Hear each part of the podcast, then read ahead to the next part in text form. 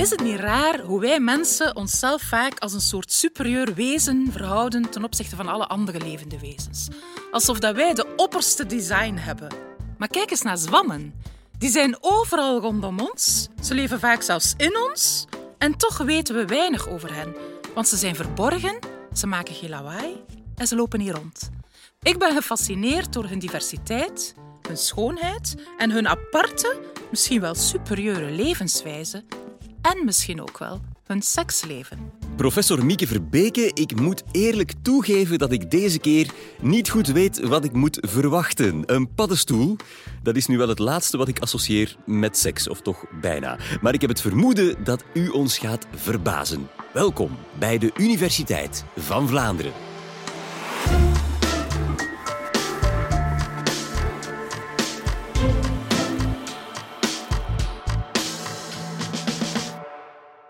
Jij maakt een herfstwandeling in het bos en je kan er niet naast kijken. Overal paddenstoelen.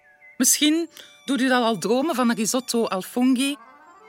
Of kom je eerder in sprookjesachtige sferen en ga je op zoek naar die fameuze rood met witte stippen, de vliegenzwam dus. Maar waar je er misschien niet aan denkt, is dat die boleten uit uw risotto of die vliegenzwammen, dat die alles te maken hebben met seks bij zwammen. Ja, die paddenstoelen zijn er om sporen te maken. En sporen, doet al aan seks denken, toch? Want ja, zwammen hebben seks. Meer nog, ze doen eigenlijk dingen die geen enkel ander organisme, dier noch plant, doet. Ze verheven seks als het ware tot een next level. En daar wil ik u natuurlijk graag meer over vertellen. Die vliegenzwam of dat eekhoontjesbrood dat jij daar spot in het bos, was eigenlijk maar een deel van het verhaal. Hè? Zoek maar een pak bladeren waarop paddenstoelen staan, vriemel die blaadjes uit elkaar en wat ga je zien? Hele fijne draadjes die samen een netwerk maken.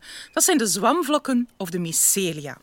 En het zijn die mycelia die letterlijk overal leven. In de grond, in hout, in blaadjes, in dieren, in elk substraat dat je maar kan bedenken. En als zij aan seks doen, dan maken ze meestal paddenstoelen. Ja, dat klinkt als veel gezwam dus, hè? maar laat mij eerst iets duidelijk maken. Zwammen of fungi, dat is een heel ruim woord. En dat kan je gebruiken voor zowel die dingen die je tegenkomt als in het bos, of voor mycelia alleen, maar ook voor die dingen die plots verschijnen op uw oud brood, in uw frigo, fruit, in uw fruitmand, weet ik veel. De zogenaamde schimmels. Maar schimmels zijn eigenlijk zwammen die geen paddenstoelen maken. En zij maken geen paddenstoelen omdat ze niet aan seksuele voortplanting doen of omdat ze nog niet zo geëvolueerd zijn dat ze bij die voortplanting ook echt paddenstoelen gaan maken. Dus ik heb het hier niet over schimmels, maar over die meer geëvolueerde zwammen die tijdens hun sekscyclus op een bepaald moment paddenstoelen doen tevoorschijn komen en eigenlijk zichzelf zo zichtbaar maken voor ons. En soms ook lekker maken voor ons. Maar Misschien is het handig om te starten met een spoedcursus seks of voortplanting. In het dieren- en plantenrijk om te beginnen. Voor ik u meeneem naar het mysterieuze en oh zo ingenieuze seksleven van zwammen. Laat ons eerst seks heel droog definiëren. Eigenlijk is dat de opeenvolging van een aantal processen waardoor twee verschillende individuen van eenzelfde soort hun DNA gecombineerd gaan doorgeven aan de volgende generatie. Hm? Dat is droog, dat is theoretisch, maar we kunnen het ons allemaal heel levendig voorstellen van dieren. Maar als beste voorbeeld onszelf natuurlijk. Dus ons lichaam is helemaal opgebouwd uit cellen met telkens twee sets van chromosomen. Dat is wat we diploïde cellen noemen. En voor de voortplanting kunnen we die diploïde cellen eigenlijk niet gebruiken. Want dat zou betekenen dat de volgende generatie vier sets van chromosomen heeft in elke cel, daarna acht, zestien. En dat is niet de bedoeling. Dus om ons voor te planten hebben we cellen nodig met maar één set van chromosomen. En daar wordt voor gezorgd door een speciale deling, die we de meiose of de reductiedeling gaan noemen. Dus die reductiedeling die gebeurt op een bepaalde plaats in het lichaam in speciaal daarvoor gemaakte geslachtsorganen. En daar worden dan de geslachtscellen of de gameten gemaakt. Eicellen bij de vrouwtjes, spermacellen bij de mannetjes. Uw geslachtscellen zijn dus de enige cellen in uw lichaam die niet diploïd, maar haploïd zijn. En voor de voortplanting gaan wij mensen, maar ook dieren in het algemeen, actief op zoek naar een sekspartner.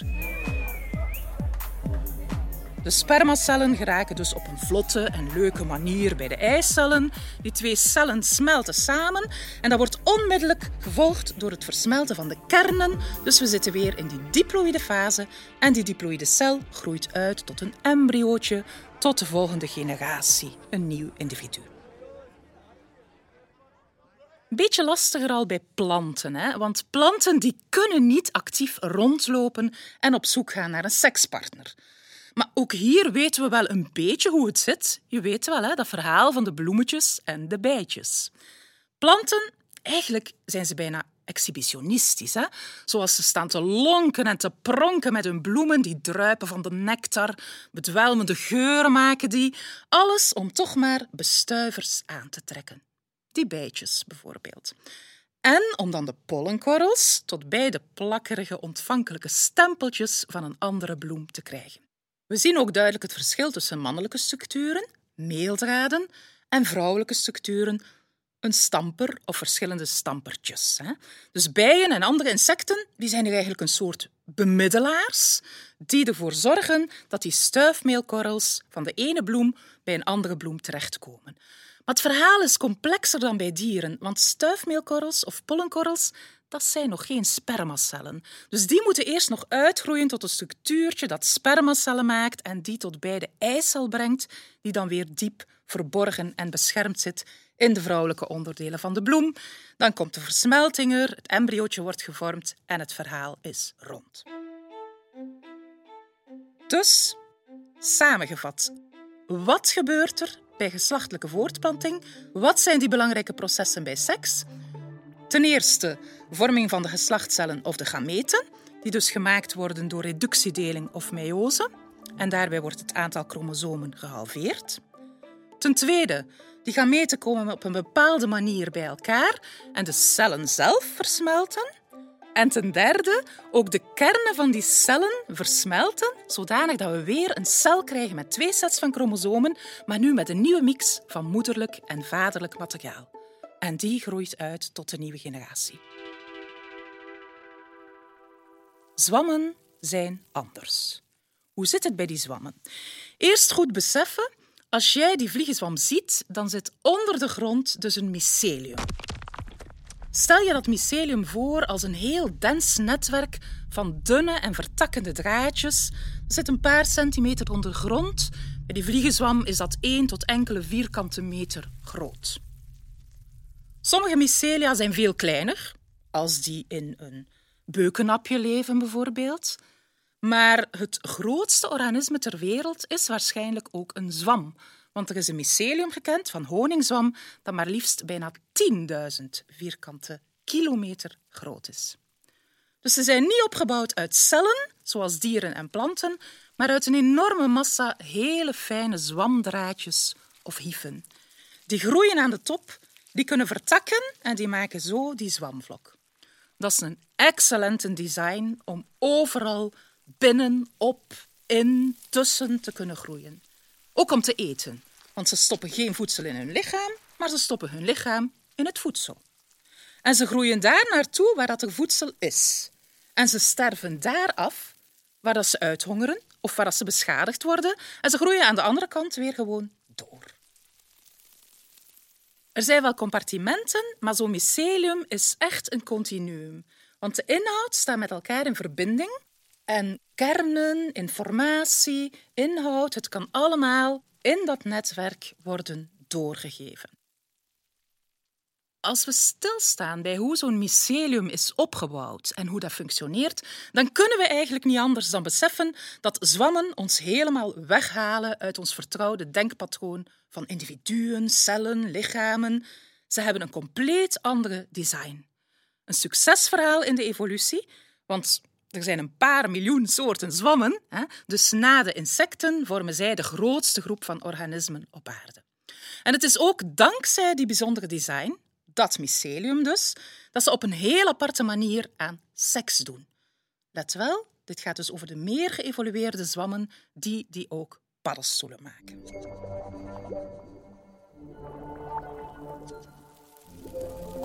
Ja, ik heb jullie lang genoeg in spanning gehouden. Hè? Dus terug naar onze vliegenzwam.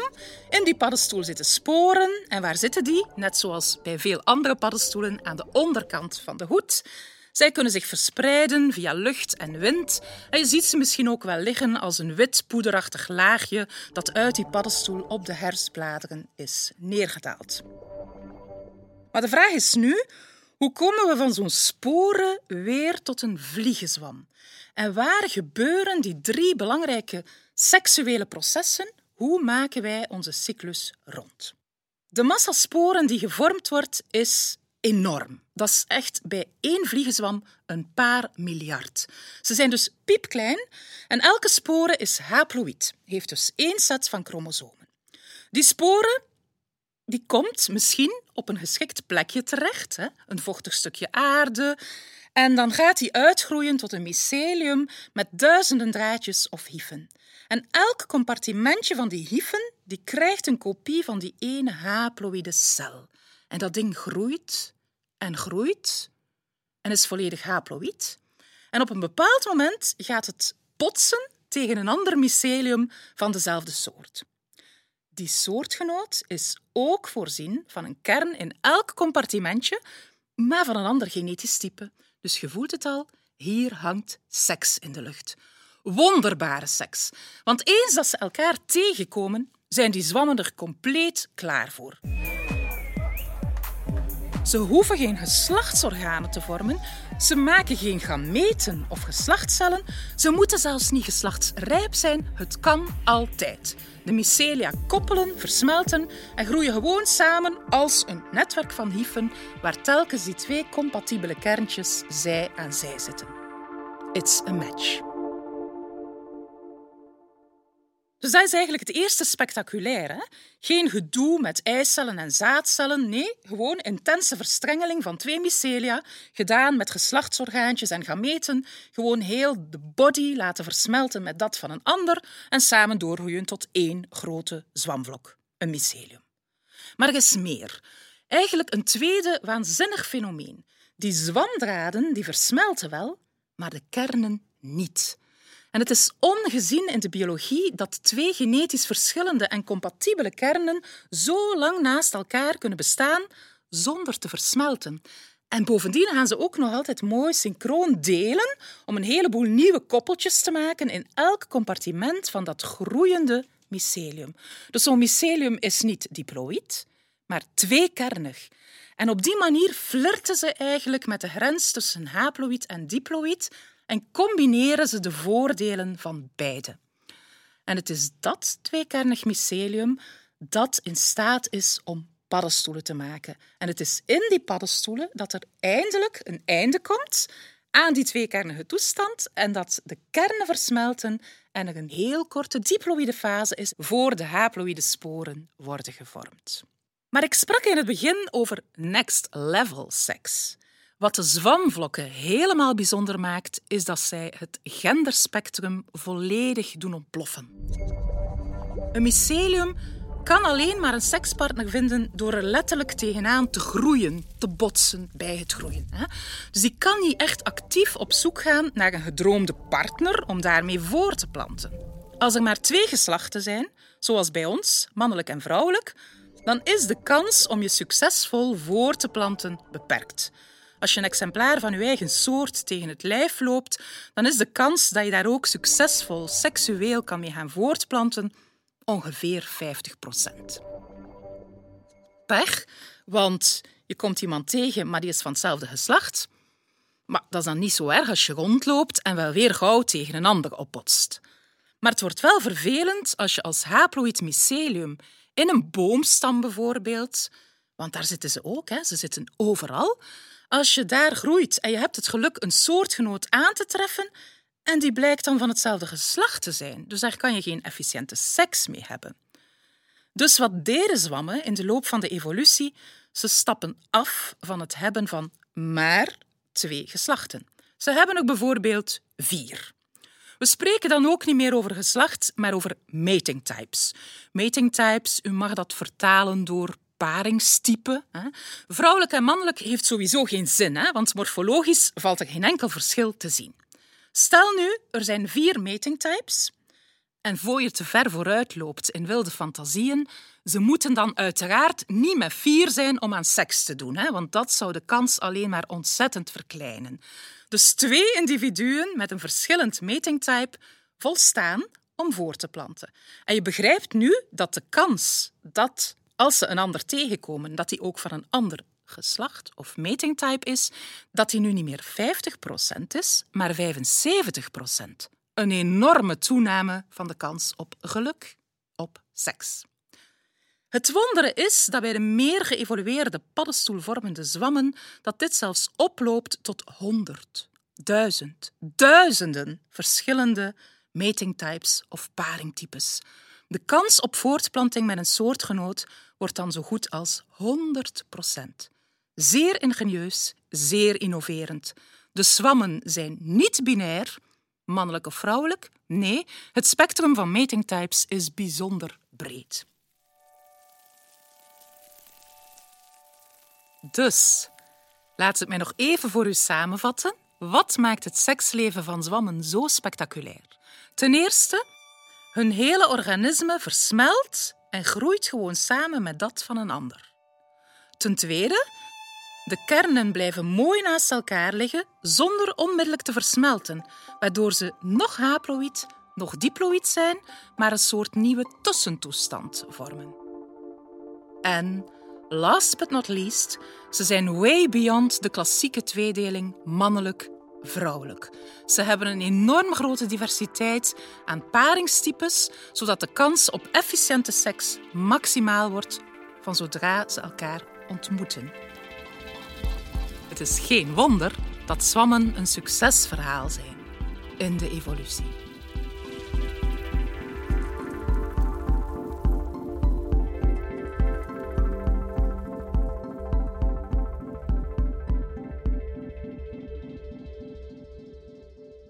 Dankjewel, professor Verbeke, voor wat paddenstoelenporno bij de Universiteit van Vlaanderen. Hete boleten en zwoele zwammen. Ehm, ik heb begrepen dat er dus een hele wereld uh, ja, in, in die boomstam of, of onder de grond zit. Dat het eigenlijk niet zozeer draait om die prachtige paddenstoelen, maar wel om de uh, mycelia, die we uh, dus vaak niet zien. Um, vind je dat jammer, dat wij ons blind staren op die prachtige vliegzwam, maar, maar vaak geen idee hebben van, van wat erachter zit? Nee, ik vind dat niet jammer. Ik denk dat die vliegenzwam eigenlijk de manier is om u binnen te trekken in die wereld van die mycelia. Net zoals we planten meestal leren kennen via hun bloemen. Het is niet helemaal vergelijkbaar, maar je kan het wel een beetje parallel zien. Dus laat u maar betoveren door al die verschijningen. En niet alleen door die vliegenzwammen, maar ook door piepkleine bekerzwammetjes of knalrode koraalzwammen, weet ik veel. En je moet gewoon beseffen dat het maar een paddenstoel is die gevormd wordt door een zwamvlok. Er zijn uh, heel wat combinatiemogelijkheden, zoals u het eh, net zelf al uh, aanhaalde. Maar toch zijn die mycelia toch ook een klein beetje kieskeurig, want ze kiezen alleen voor hun eigen soort. Wat gebeurt er als twee mycelia van verschillende soorten elkaar tegenkomen? Zeer, zeer leuke vraag. Want ook daar hè, doen ze weer dingen die wij niet voor mogelijk houden. In principe kunnen twee mycelia van verschillende soorten niet fusioneren met elkaar. Er kan dan een soort concurrentie optreden, hè, of ze kunnen elkaar zelfs uh, ja, wegconcurreren, doodmaken. Maar wat we ook zien, is dat twee mycelia van nauw verwante soorten, dat die toch versmelten met elkaar, zonder dat ze dan uiteraard aan seks kunnen gaan doen. Maar op die manier gaan ze eigenlijk als een soort kamikaze-piloot elkaar vernietigen om plaats te geven aan andere mycelia van hun soort om daar te groeien. Dus ook dat is weer een heel bijzonder verhaal eigenlijk. Het is niet zo dat op die manier een nieuwe paddenstoelensoort kan ontstaan, bijvoorbeeld. Zo werkt het niet. Ah, hybridisatie is een heel moeilijk fenomeen waar we bij zwammen veel minder zicht op hebben dan bij planten. Het wordt onderzocht, maar het is moeilijker aan te tonen. Maar uiteraard kan het zijn dat er toch een soort hybrides ontstaan. Bestaan er uh, happy singles in de wereld van de mycelia? Wat gebeurt er met een mycelium dat alleen blijft? Ja, er bestaan happy singles. En, en waar we het nu niet over gehad hebben vandaag, maar wat heel belangrijk is bij zwammen, is ook asexuele voortplanting. Dus er zijn zelfs soorten die gewoon niet meer aan seks doen. Dus die gaan continu heel veel sporen maken. En ook zonder dat dat sterk gereguleerde proces van seks er is, hè, treedt op den duur toch ook genetische variatie op als er alleen maar asexuele voortplanting is. Maar ook dat is eigenlijk weer een apart verhaal, heel eigen aan de wereld van de fungi. We weten uh, dat, dat bloemen en planten, dat die uh, insecten, bijen, vogels gebruiken om uh, zich te laten bestuiven of hun stuifmeel te verspreiden. gebeurt hetzelfde bij sporen? Hebben, krijgen zwammen ook hulp van andere elementen in de natuur? Oh ja. En ik ga een voorbeeld geven dat jullie allemaal kennen. En dat is de fameuze Phallus impudicus, de grote stinkzwam. Zo'n grote stinkzwam die ruik je letterlijk van meters ver. Dus die produceert een aasgeur, want die kan zijn sporen niet meer actief wegschieten. En die gaat dus door ja, wij zeggen door te stinken, hè, maar sommige beestjes zijn verzot op die geur en die trekt op die manier aasvliegen, mestkevers aan. Die komen rondkruipen op de top van die grote stinkzwam, met zijn heel suggestieve vorm natuurlijk, en die gaan op die manier de sporen verbreiden. Tot slot, professor, waar is jouw fascinatie voor de voortplanting van de zwam vandaan gekomen? Hoe is dat ooit begonnen? Ik dacht dat u ging vragen, uw fascinatie voor de zwammen de voortplanting bij de zwammen, ja, dat hoort erbij, denk ik. Maar aanvankelijk word je vooral bekoord door, door de paddenstoelen natuurlijk. Hè. En ehm, die was er al heel vroeg. Ik was nog klein. En die had veel te maken, die fascinatie, met het feit dat ik merkte, als ik een vraag had over planten, kreeg ik altijd een antwoord. Maar als ik aan iemand vroeg, wat is deze paddenstoel? Dan kreeg ik nauwelijks antwoorden. Dus het is een heel ongekende, relatief ongekende wereld. En dat heeft mij zeker getriggerd. En het seksleven is dan nog een keer een onbekende factor. Dus extra stimulans om uh, er alles te willen over weten. Dankjewel, professor Mieke Verbeke. Dat was inderdaad mindblowing. Als je nog meer wil weten over schimmels en zwammen, beluister dan zeker podcast 147 met professor Jan Kolpaard over de vraag waarom schimmels zo slecht nog niet zijn. Heel graag tot dan of tot een volgende keer.